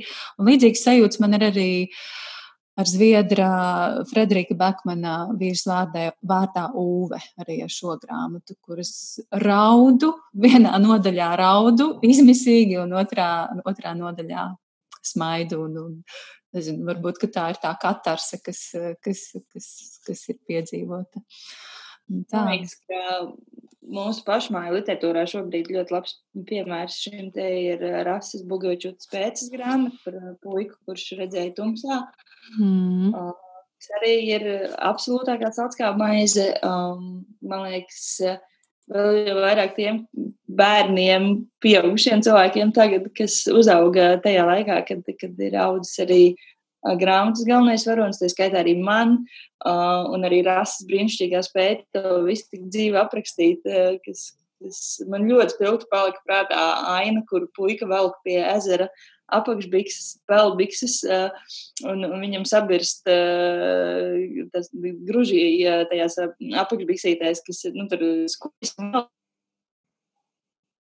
Ir ēdā, un tas tur aprakstījusi, atcēlus atmiņā manas bērnības sajūtas, ka tu arī aizbrauc uz to ezeru un mēģini tur pārdierties kaut kā, lai tevi, nu, tur, nezinu, nepamanītu kā tev plikot pupsi, un, un tad tu tur to pēdi uzsit vadām apakšviksēm un viss piebirst, un tad tur, nu, tad tādas ļoti, nu, tiešām tādas sāckāpmaizes sajūtas, un, un tā grāmata ir, jā, tā ir ļoti brīnišķīga grāmata, kas arī ir bērnu grāmata, jauniešu bērnu grāmata, rasa to tā bija paredzējusi. Bet man liekas, ka ļoti daudz pieaugušajiem viņa iet pie sirds pat vēl labāk nekā bērniem. Mm -hmm. Daina, kā ir ar tevi? Tev ir kāda tāda Vai nu saldskalmais grāmata, vai arī vienkārši grāmata, kas tevi iepriecina. Tu jau teici par Harry Potteru, pareizi. Pareiz. Tu izstāstīji par Harry Potteru, kas, kas ir tavs, jā, tāds tā, kaut kas, ko tu ņem, un tu zini, ka būs uh, forša sajūta lasot. Jā, nu, Harijs Poters un uh, vēl ko esmu pārlasījis. Arī tas pats jau pieminētais Stevens Čuboskijs, Čārlis malā stāvētājs. Nu, viņa ir tāda tiešām tāda saldskārmais.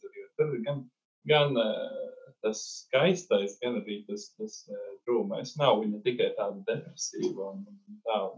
Tā ir tāda īpaši, es domāju, ka jauniešiem tā varētu būt tā, ka viņi lasītu viņi jūt to sajūtu, ka viņi ir saprasti. Un tā ir tā labā sajūta. Tas mm. reizē tur ir skumji, bet reizē tā ir tā sajūta, ka tu neesi viens. Nu, man arī tā ir, un, un, un es tevi saprotu. Tā, un tas tas vēstījums varētu būt. Un tā, tā tīra sajūta ziņā. Bet, nu, tā iedomāties, nu, jebkura grāmata lielākoties jau, kuras, kuras, eh, kurām es ķeros klāt to, to, to patīkamo sajūtu dod, jo pēdējā laikā, jo, jo ir mazāk laika lasīšanai, jo trūktīgāk izvēles. Klau, bet kā ir ar, kā ir ar tām tumšākajām dienām jūsu dzīvēs? Vai tad, kad uh, ir tiešām, tiešām slikti, jūs lasāt vispār, vai prasās pēc kaut, kā, pēc kaut kādas grāmatas? Un, uh, ja, ja jūs lasāt, tas, kas ir tas, kas, tas, ko jūs lasāt? Jo uh, tādā ļoti jūtīgā periodā, man liekas, um, jā, ir jābūt drošam par to, par to saturu, jo, ja nu gadās kaut kas tāds, kas var ietekmēt uz pavisam varbūt sliktu pusi. Es vispār es jūtu, ka es runāju, bet uh, es baidos uh, lietas saukt īstajos vārdos. tā kā jūs droši varat uh, runāt tā kā, tā, kā jūs gribat runāt par šo tēmu. Man Labi. ir. Uh, nu, tu sāc. Nē, Lielis sāk. Alis sāk. uh, ne, man liekas, ka man, nu, jā, man varētu būt īsa atbilde šo jautājumu. Es nezinu, um, es nezinu, kad es nu, nelasītu. Nu, tā. es ceru, ka man šī iespēja lasīt būs līdz mūža galam, un es to varēšu darīt. Um, un arī tad, kad man ir skumji, es lasu, un es lasu daudz. Man ir skumji, ja es nevaru lasīt daudz. Man ir skumji, ja man ir tik daudz darba, ka es nevaru atrast laiku. Uh, uh, palasīt kādu grāmatu, tas man skumdina. Uh, bet uh, attiecībā uz to, ka nu, kādās depresīvās epizodēs un sācinājumos uh, ir grūtāk saņemties, lasīt, vienkārši tāpēc, ka negribas vispār neko darīt. Nu, tev gribas skatīties sienā un, un viss, tas viss, ko tu esi spējīgs. Bet uh, tāpat laikā, tad, kad izdodas saņemties uh, lasīt, tad tā ir ļoti brīnišķīga iespēja, kā uz brīdi vienkārši aizmukt no savām domām, no saviem pārdzīvojumiem, no skumjām, no trauksmes, no jebkā, kas, nu, kas tev traucē, un noslēpties kaut kādā citā, citā vidē, citā pasaulē. Un, un liekas, tas ir, ir brīnišķīga jā, tāda lieta, ko, ko, ko, ko darīt, tad, ja ir slikti. Kā ar tevi, Dāni? Vai tu lasi tad, kad ir pavisam slikti? Kad ir, eh, kad ir depresīvie posmi, tad eh, tieši to es novēroju. Pirms dažiem gadiem es nelasu vispār, vai arī lasu ļoti maz. Es lasu, un es vienkārši man acu priekšā ir eh, burti, bet nu, es nespēju just līdzi. Es, es, nu, man, man pazūd tā garša. Es vienkārši saprotu, ka es lasu tekstu, bet es viņu neizbaudu. Un tad es saprotu, ka vienkārši nav vērts, es izlasīju to bēdīgāko grāmatu, Un man nebūs tā emocija. Es varu izlasīt priecīgāko grāmatu, man arī tā emocija nebūs. Man ir depresīvajos posmos, man ir tāds eh, ļoti liels emocionālais sprūgums. Un, un, un es nejūtu. Bet tad, kad ir eh, tie labie posmi, tad eh, es izbaudu katru mirkli, kad es tieku pie lasīšanas, jo, jo Nu, tā tā tāda, tā var strādāt vai ko, bet nekas tev neliks justies tik dzīvam, kā tas, ka tu kaut kādiem saviem hobijiem vai, vai mīļajām lietām pieķeries lasīsi un tās mīļās lietas. Un, eh, tā, tā, tā gaida sajūta no aprakstām, ka tu strādā tu zini, tev dienas beigās būs tās divas stundas, ko tu vakarā pilnīgā klusumā lasīsi grāmatas. Tas arī ir tādā kaut kādā tādā ja es domāju režīmā, tad arī veltot laiku sev, tas, tas arī nu, tev varbūt eh, kaut, kaut kādā veidā palīdz eh, ilgāk noturēties pie labības kosmosas, kaut kādās depresijās, kā, kā neiesīt. Bet jā, kad ir depresija, kosmos nelasu vispār vai arī lasu ļoti maz, jo ir, grū, nu, ir grūti izbaudīt. Es negribu lasīt, un es pēc, jo es nu, tajos posmos tiešām man ir tāda problēma sajūta, ka es tās emocijas neuztveru, nejūtu, es lasu vienkārši pliku tekstu. Tas mm. ir īsti. Mm. Jā, man šķiet, ka man ir līdzīgi kā Alisai, ka es vienkārši lasu un reizēm šo te, uh, grāmatu un to aprakstīto pasauli izmantoju kā iespēju aizbēgt no savas, no savas pasaules un, uh, un pazust un nedomāt un, un tā kārtīgi jā, iedziļināties citu problēmās. tā, bet vai ir kāda, kuras ir tās grāmatas, kuras jūs zināt, ka varētu palīdzēt?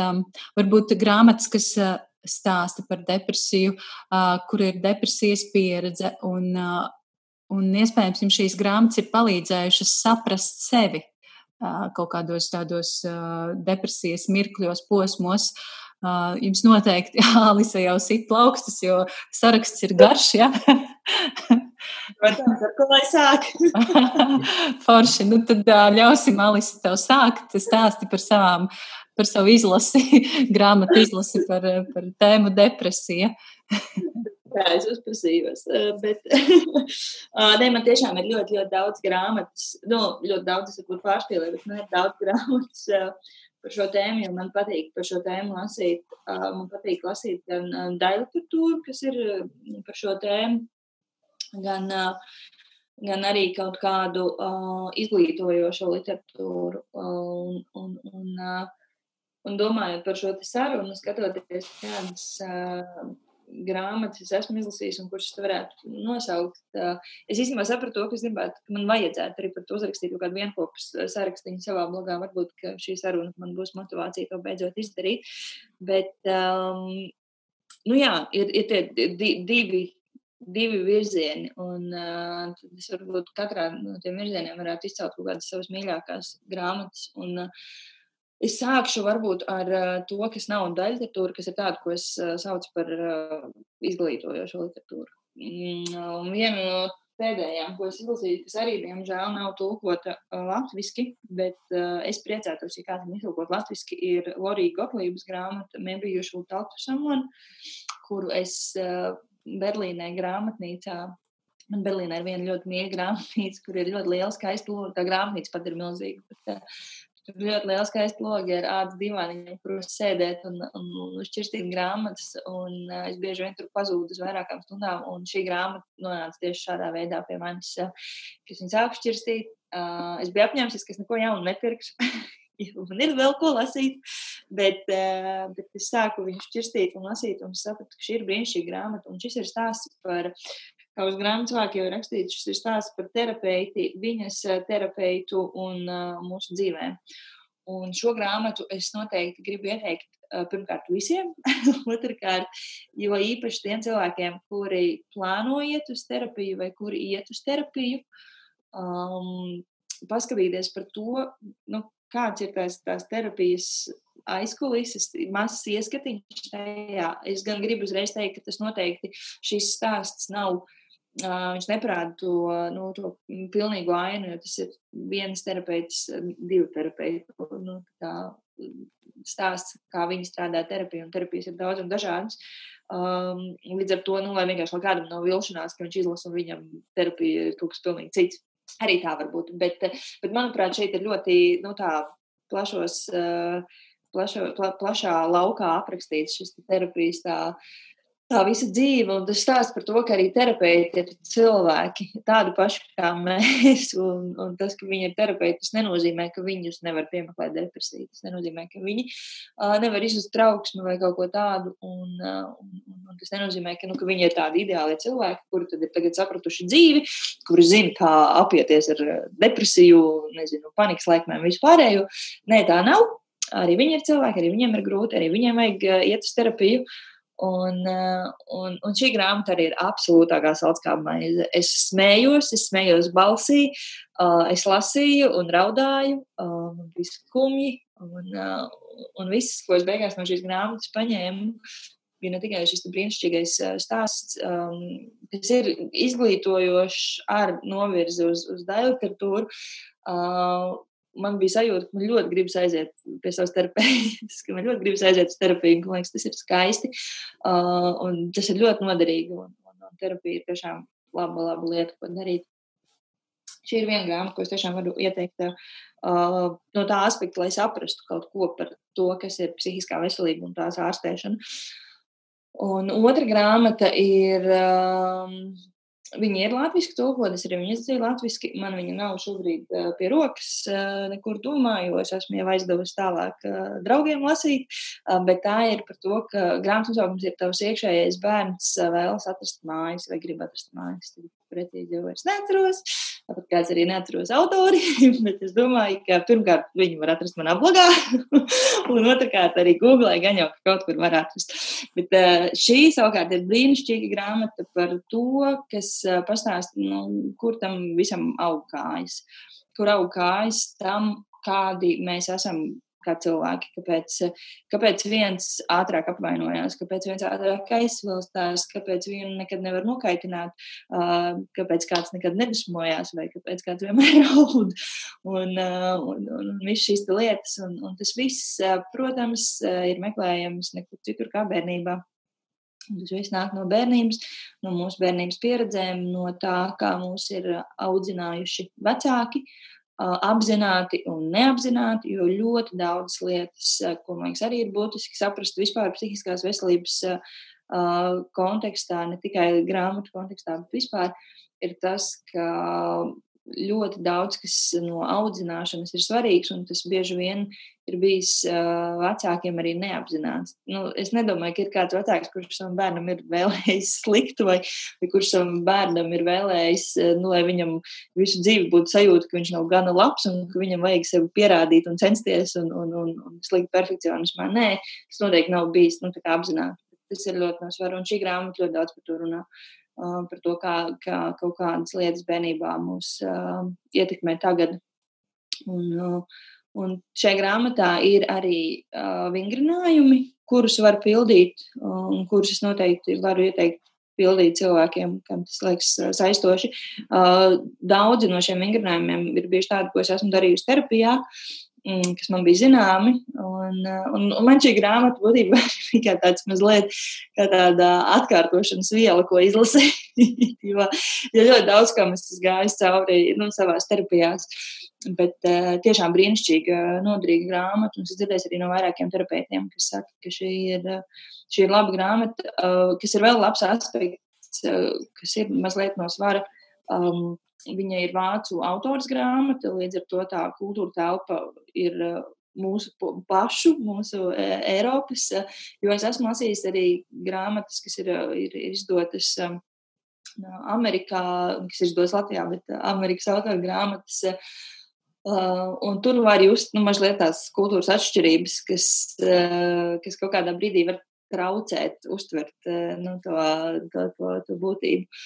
Um, šīs būtu jā, divas grāmatas, uh, ko es gribētu ieteikt uh, no, no, no šī izglītojošā lauciņa, un tad, lai es beigtu neizplūstu gari runājot, tad es uh, gribu pateikt par dažām savām mīļākajām no daļu literatūras lauciņa.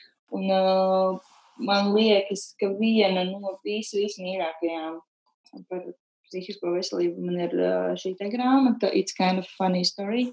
Nec Bizinī arī nav tulkota latviski.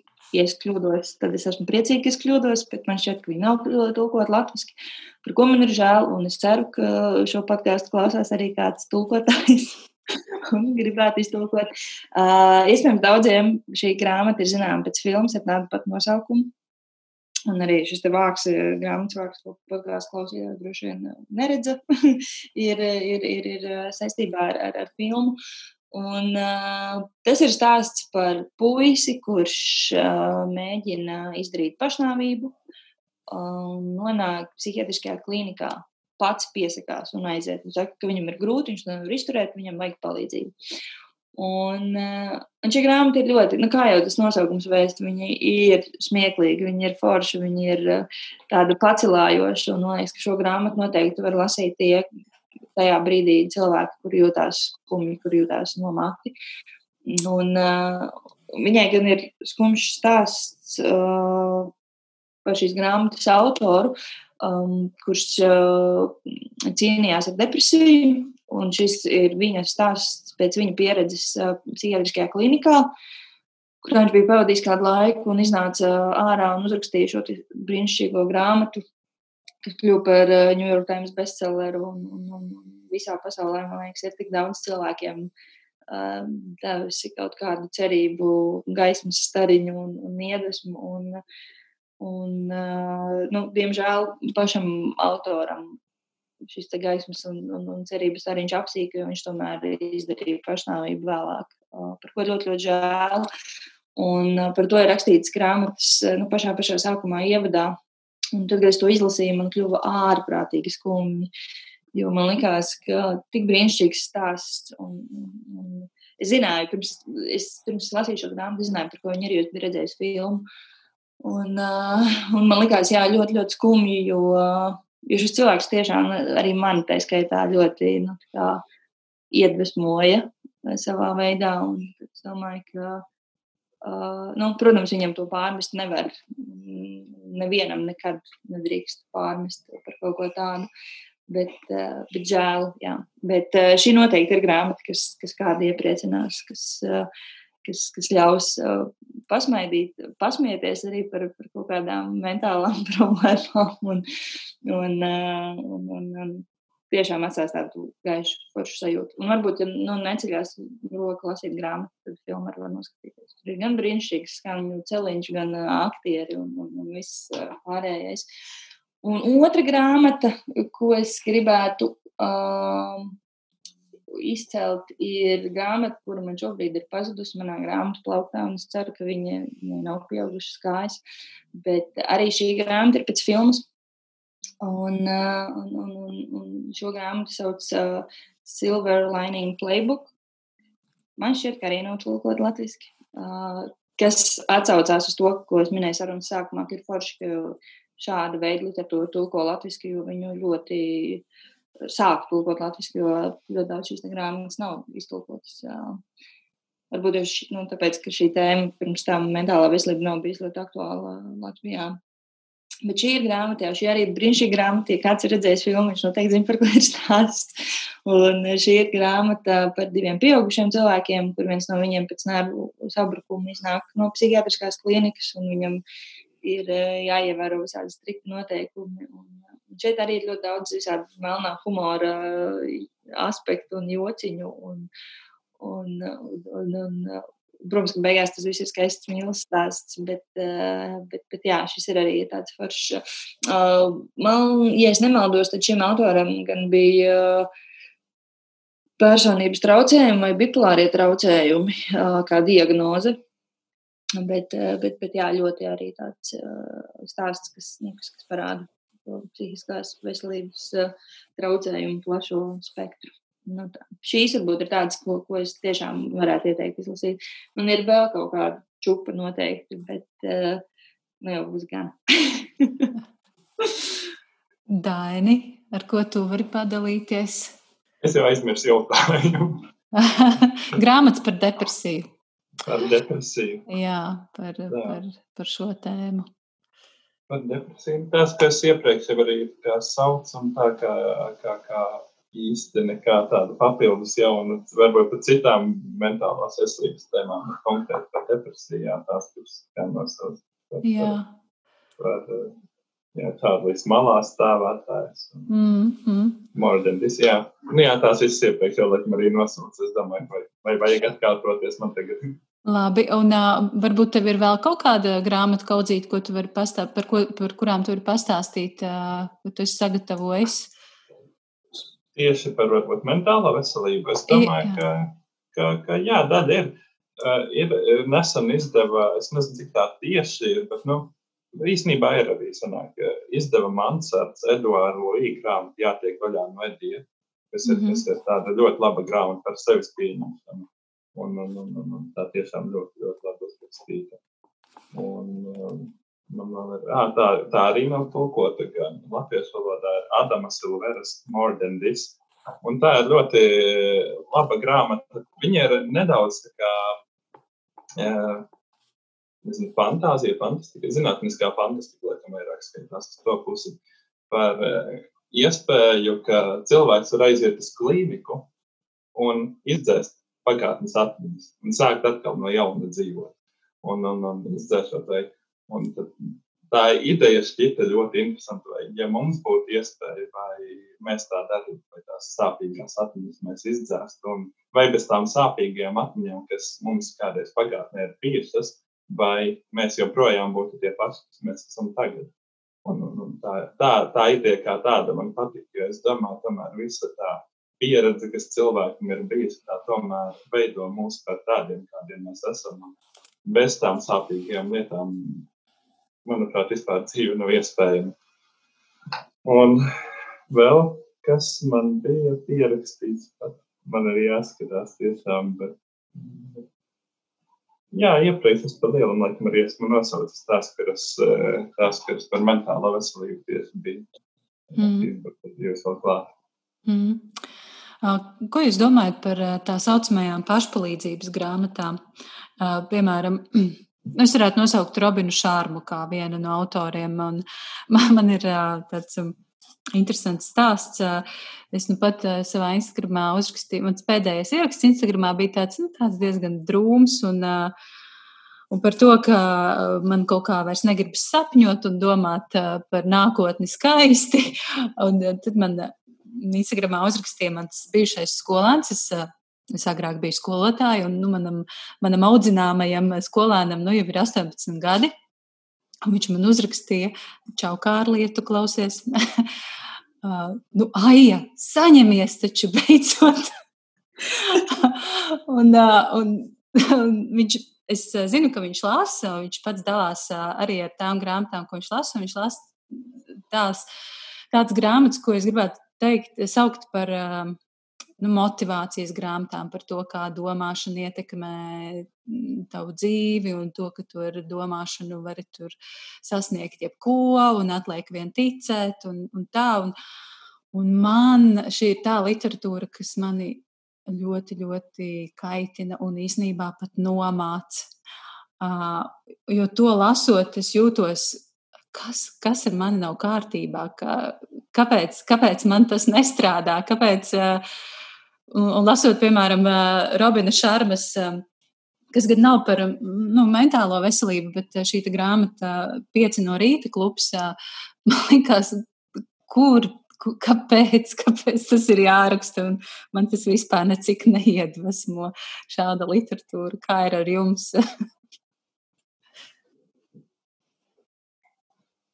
Labi, šoreiz es sākšu. Tā, man, ir, man ir ļoti līdzīgas sajūtas par to visu. Tāpēc, man, man īsti nepatīk pašpalīdzības grāmatas. Es, labi, ir labi, ja kādam cilvēkam, kam viņas palīdz un kam iedvesmo kļūt labākam vai, vai tiek justies saprastam.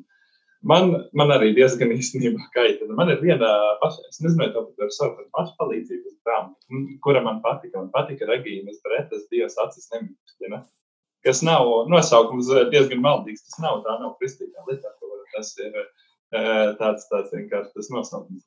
Nu, tā ir interesanta grāmata un, un tāda diezgan iedvesmojoša, kas tā cilvēkam, varbūt lasītājiem, labāk varētu palīdzēt justies. Bet citādi esmu lasījis diezgan daudz arī, nu, cik, cik daudz, kāds, nezinu, varbūt piecas pašpalīdzības grāmatas, par kurām man bija nenormāli dusmas lasīšanas procesā, jo nekas no tā visa nestrādāja. Un, un, un, Ne, man šķita, šķita nereāli. Un tas, tas vienkārši nav man, jo man vairāk par pašpalīdzības grāmatām, tad uh, vairāk palīdz daļa literatūra, es kaut ko sev noderīgu varu paņemt, vai, vai es varu pielāgot savai dzīvei, vai, vai, vai saprast, kāpēc kaut kas ir noticis. Bet uh, tieši kā pašpalīdzības grāmatas, nē, es to žanru īpaši necienu. Mm. Kā ar tevi, Alisa? Oh, nu, es jums pievienojos, ka citu vēl, ko tad citu vēl jūs droši vien varējāt sagaidīt. Bet, um, jā, nu, es uh, neesmu pašpalīdzības grāmatu fans, un, uh, un es esmu, lai pat neteiktu, esmu ļoti, ļoti skeptiski pret tām. Bet, uh, tad, kad es pirmie stāstīju par šīm divām grāmatām, kuras saucu Uh, tieši par, par izglītojošām grāmatām. Es apzināti izvairījos no vārdu paš, paš izglītības, ne bet pašmotivācijas vai nu, jebkādas šāda veida grāmatas.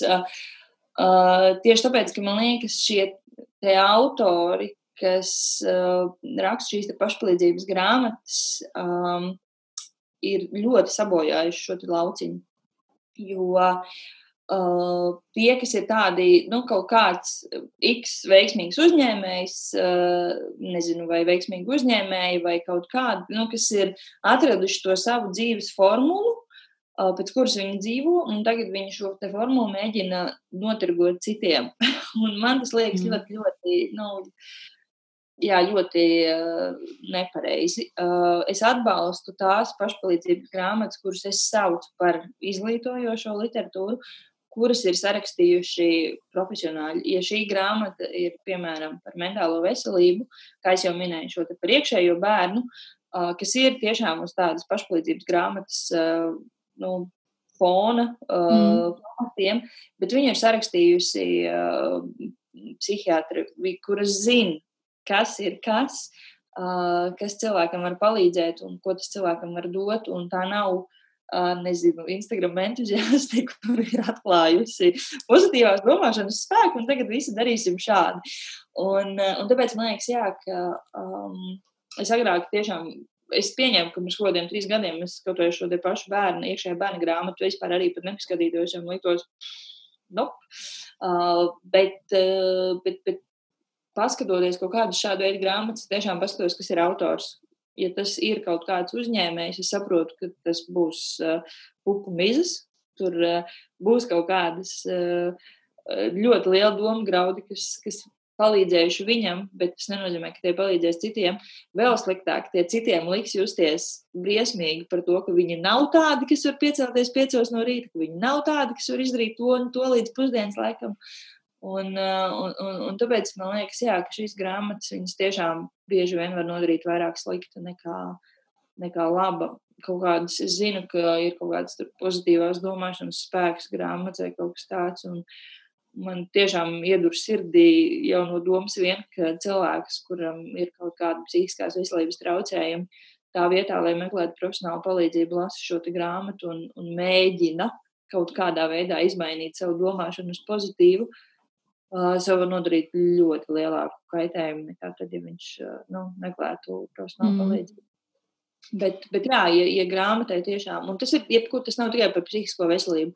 Ja, ja ir uzrakstīta kaut kāda grāmata par to, kā labāk uzbūvēt galdu, un to ir uzrakstījis profesionāls galdnieks, tad droši vien, ka to ir vērts lasīt. Bet, ja tā ir kaut kāda cilvēku nu, pārdomas par tēmu X, um, es domāju, ka tas, jā, tas, tas Bieži vien tas ir ļoti slikti uzrakstīts pirmkārt, un otrkārt šie padomi ir jā, nu, ļoti apšaubām. Ļoti apšaubām. Atcaucoties par to mm, šāmas grāmatu, mm, man patika viena puiša tvīts par šo grāmatu, ka pirms pieciem gadiem visi tur uh, reklāmas uh, un radošo industriju cilvēki salasīja šo grāmatu un sāka dzīvot pēc šī ritma. Un tagad visi domā, kā cīnīties ar izdegšanu. Tad man liekas ļoti labs stāsts par to, ka, nu, ka ir jā, jāsaprot tomēr, nu, ka, jā, ka, ka kaut kādas dzīves uzlabošanas padomus nevar dot cilvēks, kurš var tikai ar savu kaut kādu vienu skatījumu. Nu, mm tam ir jābūt tomēr kaut kādam profesionāļu uh, vērtējumam. Tāpēc arī vienmēr, kad es dalos savā pieredzē, savā depresijas pieredzē, ārstēšanās pieredzē un visā, es vienmēr piebilstu to, ka uh, meklējiet profesionālu palīdzību. Šis ir tikai mans viedoklis, šis ir tikai mans stāsts, mans gadījums, mana pieredze. Katram tas var būt citādāk. Un, tāpēc vienkārši nebaidieties un meklējiet profesionālu palīdzību. Mm. Jā, droši vien, ka vissliktākais, ko pateikt cilvēkam, kas ir depresijā ir saņemies. Kaut gan es, nu, es paldies, es arī pateicu, uzrakstīju savam, savam skolēnam paldies, un es īstenībā priecājos, ka viņš lasa, jo jāpriecājas vispār, ka jaunieši lasa, un, un lai tā ir šī motivējošā literatūra, un varbūt tiešām uh, varbūt tiešām viņš būs liels uzņēmējs pēc pāris gadiem, un es ļoti ceru. Bet uh, saņemties kaut kā nevienmēr sanāk, uh, īpaši tad, kad to pasaka kāds no malas. Uh, tā tas ir. Um, Jā, es no savas puses vēl varu pateikt, tad, kad tu Alis stāstīji par šo grāmatu Maybe You Should Talk to Someone, es atcerējos Zanas Zustas grāmatu aiz durvīm. Uh, kas man kaut kā sasaucās ar, arī ar šo tēmu, kur, kur bija gan pacientes stāsts, gan psihoterapeita stāsts. Un, un, jā, kā psihoterapeiti arī ir cilvēki, un, un arī viņu dzīvēs notiek ļoti daudz kas ļoti, ļoti smags un ar ko jātiek galā. Un savukārt vēl es atcerējos par grāmatu Eleonorai Olifantē Viss kārtībā, kas arī ir par, par tādu mm, par tādu mazliet depresīvu, mazliet neparastu sievieti un, un jā, viņas dzīvi. Un, un vēl ir kaut kas, ko es šobrīd esmu piemirsusi. Mm, jā, varbūt tā ir par, par Eleonoru. Uh, tā ir viena no tām grāmatām, kur lasot, uh, man liekas, grāmatu man ārprātā tracināja galvenais uh, šī Eleonora, šis viņas tēls. Un, kurš tik brīnišķīgi atklājās grāmatas beigās. Bet, uh, Uh, es gandrīz jau būtu, jā, es būtu likus to grāmatu malā un nolasījis tālāk, ja man draudzene nebūtu teikusi, nu, tā kā, nē, nu, lasi, tas, tas ir tā vērts. Un šis bija tiešām, jā, tas bija ļoti, uh, šīs grāmatas beigas pārsteidzošās, un viss uh, tā bija arī, tā ir ļoti labi, jā, grāmata, ko, ko izlasīt par, par, par, par, par mentālo veselību, jā. Jā, Nu, ko? Mēs esam parunājuši, bet uh, varbūt ir kaut kas, ko es neesmu jums pajautājis, un jūs ļoti vēlaties pateikt par mentālo veselību un grāmatām. Uh, kaut kāds varbūt tiešām vēl ieteikums, uh, ko jūs gribat pateikt. Vai vienkārši kāds padoms cilvēkiem, kas mūs šobrīd klausās un jā, grib dzirdēt īstos vārdus. no nu, Dēna saka savus iedvesmas vārdus. Labi, tad es sākšu. Ko es, ko es varu pateikt, ir kā, nebaidīties par to runāt. Arī īpaši, es domāju, arī vīriešiem vajadzētu. Sievietēm, sievietes ir sākušas, un tas ir ļoti labi, ka ir sākušas runāt. Un vīriešiem arī nevajadzētu sākt baidīties par to runāt, jo, jo ir ļoti liels kauns tam visam sabiedrība. Tā kā tev būtu jākaunās, o, kas to, bieži tie komentāri, o, kas tu par veci saņemies, jau kā tas tika minēts. Tas arī sievietēm tiek teikt. Tas tiek teikt abiem diviem dzimumiem saņemies, bet īpaši vīriešiem vēl tas tiek tāds tā kā dzimuma kauns, tāda, tā, tā, tas pielīdz, o, kas tu par veci saņemies, vai, vai, vai ko. Tā kā tā nedrīkstētu būt, tā kā tas, tas, tas, tas nav rezervēts tikai mentālās problēmas, tikai vienam dzimumam, tas ir visiem dzimumiem. Un, un, un jebkurā vecumā, jebkurā, jebkurā tādā ienākumu slānī, jebkurā sabiedrības slānī, jebkuru pilnīgi jebkuru tas ir skatām. Nebaidīties meklēt profesionālu palīdzību. Tas ir tas, ko es varētu ieteikt. Tas tiešām palīdz un nebaidīties no tā, ka kāds kaut ko varētu pateikt.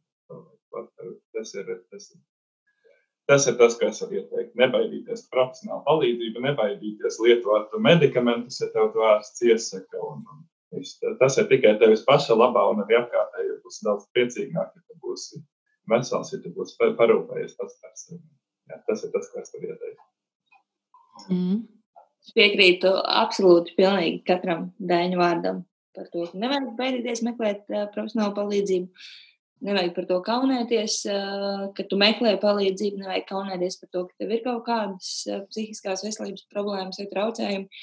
Nevajag kaunēties par to, ka ir jādara zāles, nevajag kaunēties, ja tu ej uz terapiju, vai esi dienas stacionārā vai jebko, jo tas viss ir pirmkārt tikai un vienīgi tevis labā, tavas dzīves kvalitātes uzlabošanai, un otrkārt arī ļoti lielu aspektu tas iegūst attiecībās ar līdzcilvēkiem.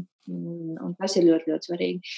Um, bet, ja par grāmatām, tad um, es ieteiktu, jā, vispār lasīt grāmatas kā tādas. Uh, visādas, ne tikai tās, kas ir veltītas uh, mentālajai veselībai. Un vēl es kādreiz ieteiktu, palas, lasot grāmatas, padomāt par šiem tēliem, ja kādas grāmatas.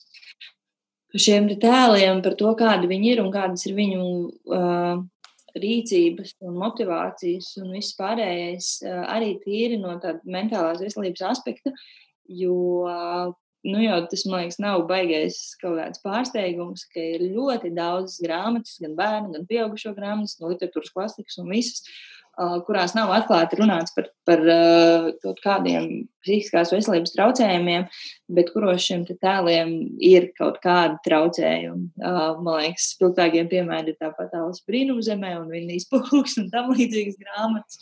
Un, un man liekas, tas arī ir interesanti. Un tāpēc, tāpēc es saku, ka nu, vajag lasīt visādas grāmatas, jo uh, varbūt grāmatā, kurā vispār nav ne vārda par depresiju, um, psihiatriju, ārstēšanos vai vēl kaut ko, tu vari saskatīt kaut kādas iezīmes. Nezinu, piemēram, oblomovs. Nu, man, man liekas, ka es, uh, tas gan man bija pēc izrādes iespējā, bet, nu, kad aizgāju uz izrādi jau arī teātrī, es tik ļoti redzēju tur sevi, un es neredzēju nekādu slinku uh, kungu, kurš neko negrib darīt. Es redzēju, cik tas ir. Uh, nu, ka, ka tur ir tāds depresijas fons. Un, un tas man liekas, tāds, jā, ko es esmu kaut kādā pasākusi skatīties, ka ir kaut kādi tēli. Protams, ne visās grāmatās nu, tā, kaut ko tādu varēs atrast, bet kā jau visiem cilvēkiem, mums visiem ir kaut kādas problēmas. Jautājums ir tikai, vai tās mums traucē dzīvot vai netraucē dzīvot, bet mēs neviens neesam normāli. tā kā grāmatas ir sarakstījuši cilvēki ar tādām pašām problēmām, un šiem grāmatu tēliem acīm redzami arī var būt kaut kādas nu, tādas interesantas nianses uh, viņu personībās un, un, un raksturojumos. Un tāpēc man liekas, jā, nu, ka vienkārši lasot jebkādu literatūru, tu vari savilkt kaut kādas paralēlas ar, ar sevi, varbūt, vai, vai savu dzīvi, vai kādu tuvākā dzīvi. Un, uh, un tas vienkārši ir, uh, nu, ir, ir, ir ļoti forši. Gan, gan, uh, gan no tā aspekta, jā, ka var arī aizbēgt kādreiz šajā literatūras pasaulē, kad pašam ir skumji, gan no tā aspekta, ka var kaut ko paņemt sev, var izglītoties, uh, iedvesmoties. Es, nezinu, es neredzu nevienu sliktu uh, iemeslu tam, kāpēc grāmatas būtu, nu, tā kā nevajadzētu lasīt. Man liekas, nav tā. Vienkārši tā, tas ir jādara. Nu, jā, tā, tāds. Jā, tu sāki stāstīt par bērnu grāmatām un, un to, kas netiek nosaukts vārdos. Un es atcerējos vakardienu, es vakar biju talkā. Es, mēs tīrījām krūmus un grābām vecās lapas. Un, Tad es, tad es sāku, sāku ļoti, ļoti kašāt tur, tos, tur to zāli, un, un, un tik perfekti visu tur bija izkašājusi. Un, un mamma man saka, bet tur taču zālīte neaugs vairs, un, un, ko tu tur kašājies? Un saka, o, manī ir ieslēdzies ancis, āpsis ancis. Un tā ir tāda bērnu grāmatiņa par āpsi. Grāmatas nosaukums, nosaukums ir tīrīgais, un tas ir par āpsi, kurš nu, nu, tā līdz perfekcijai satīra to mežu. Beigās viņš viņu nosvaltē. Viņam bija ļoti liela tīrības mānija. Kā, lūk, arī arī tas ir par, var teikt, mentālo veselību. Un savukārt, kad tu eh, stāstīji par Oblomu, es atcerējos, kaut kā uzreiz uh, atminējos Annu Kareņinu. Un uh, Anna Kareņina mani savukārt aizveda mm, pie, atmiņ, pie atmiņām par grāmatu mājasaimnieci, kur es, diemžēl, neatceros grāmatas autora, bet tas ir Zvaigznes ABC izdots romāns. Uh, kur uz vāka ir, uh, tas vāks ir ļoti maldinošs. Uz vāka ir uh, sievietes nu, krūšu daļa, iespīlēta tādā baltā blūzītē. Un, uh, tad, kad pirms es sāku lasīt šo grāmatu, man liekas, ka tas ir kaut kāds dāmu erotiskais romāns. Nejautājiet, kāpēc es tāds lasu, ai, ai. Bet īstenībā tas, starp citu, arī šajā grāmatā galveno varoni sauc Anna. Uh, Un, jā, tas ir arī par sāstu par depresiju, un tā grāmata bija ārkārtīgi smaga. Un es vispār nesagaidīju to, ko es kaut kā biju iedomājusies sagaidīt. Un arī beigas uh, tik spilgti īstenībā ir dažas ainas iespiedušās prātā no šīs grāmatas, kā viņa nu, pilnīgā tādā kaut kādā krīzes mirklī iet pie savas psihoterapeites un, uh, un mēģina viņu sazvanīt, un, un psihoterapeite atver logu un viņu dzēn projām burtiski. Un, nu, tās beigas bija tāds, kāds tas bija. Lasiet paši. Uh, manuprāt, es īstenībā iesaku to grāmatu. Man, mani, mani pārsteidza šī grāmata, jo, jo varbūt tāpēc, ka es pilnīgi citu kaut ko gaidīju. Jā, tas, ko es, es varu pateikt, ir tas pats, ko jūs jau pateicāt. Runājiet, nebaidieties un lasiet. Un noteikti šovakar atrodiet kādu labu grāmatu, atrodiet labu vietu lasīšanai un lasiet. Um, es jums teikšu paldies, Alisa, paldies, Daini, paldies par šo sarunu. Paldies, ka piekritāt runāt par, par tādu diezgan smagu tēmu. Bet uh, man šķiet, ka mums kaut kā beigās sanāca jā, tāda salds kā maize. Mums tagad būs jauns termins. paldies, Alis! un uh, paldies arī klausītājiem par klausīšanos un uz tikšanos nākamajās uh, piedzīvot lapuses sarunās. Tā. Paldies, paldies ka uzaicinājāt padalīties.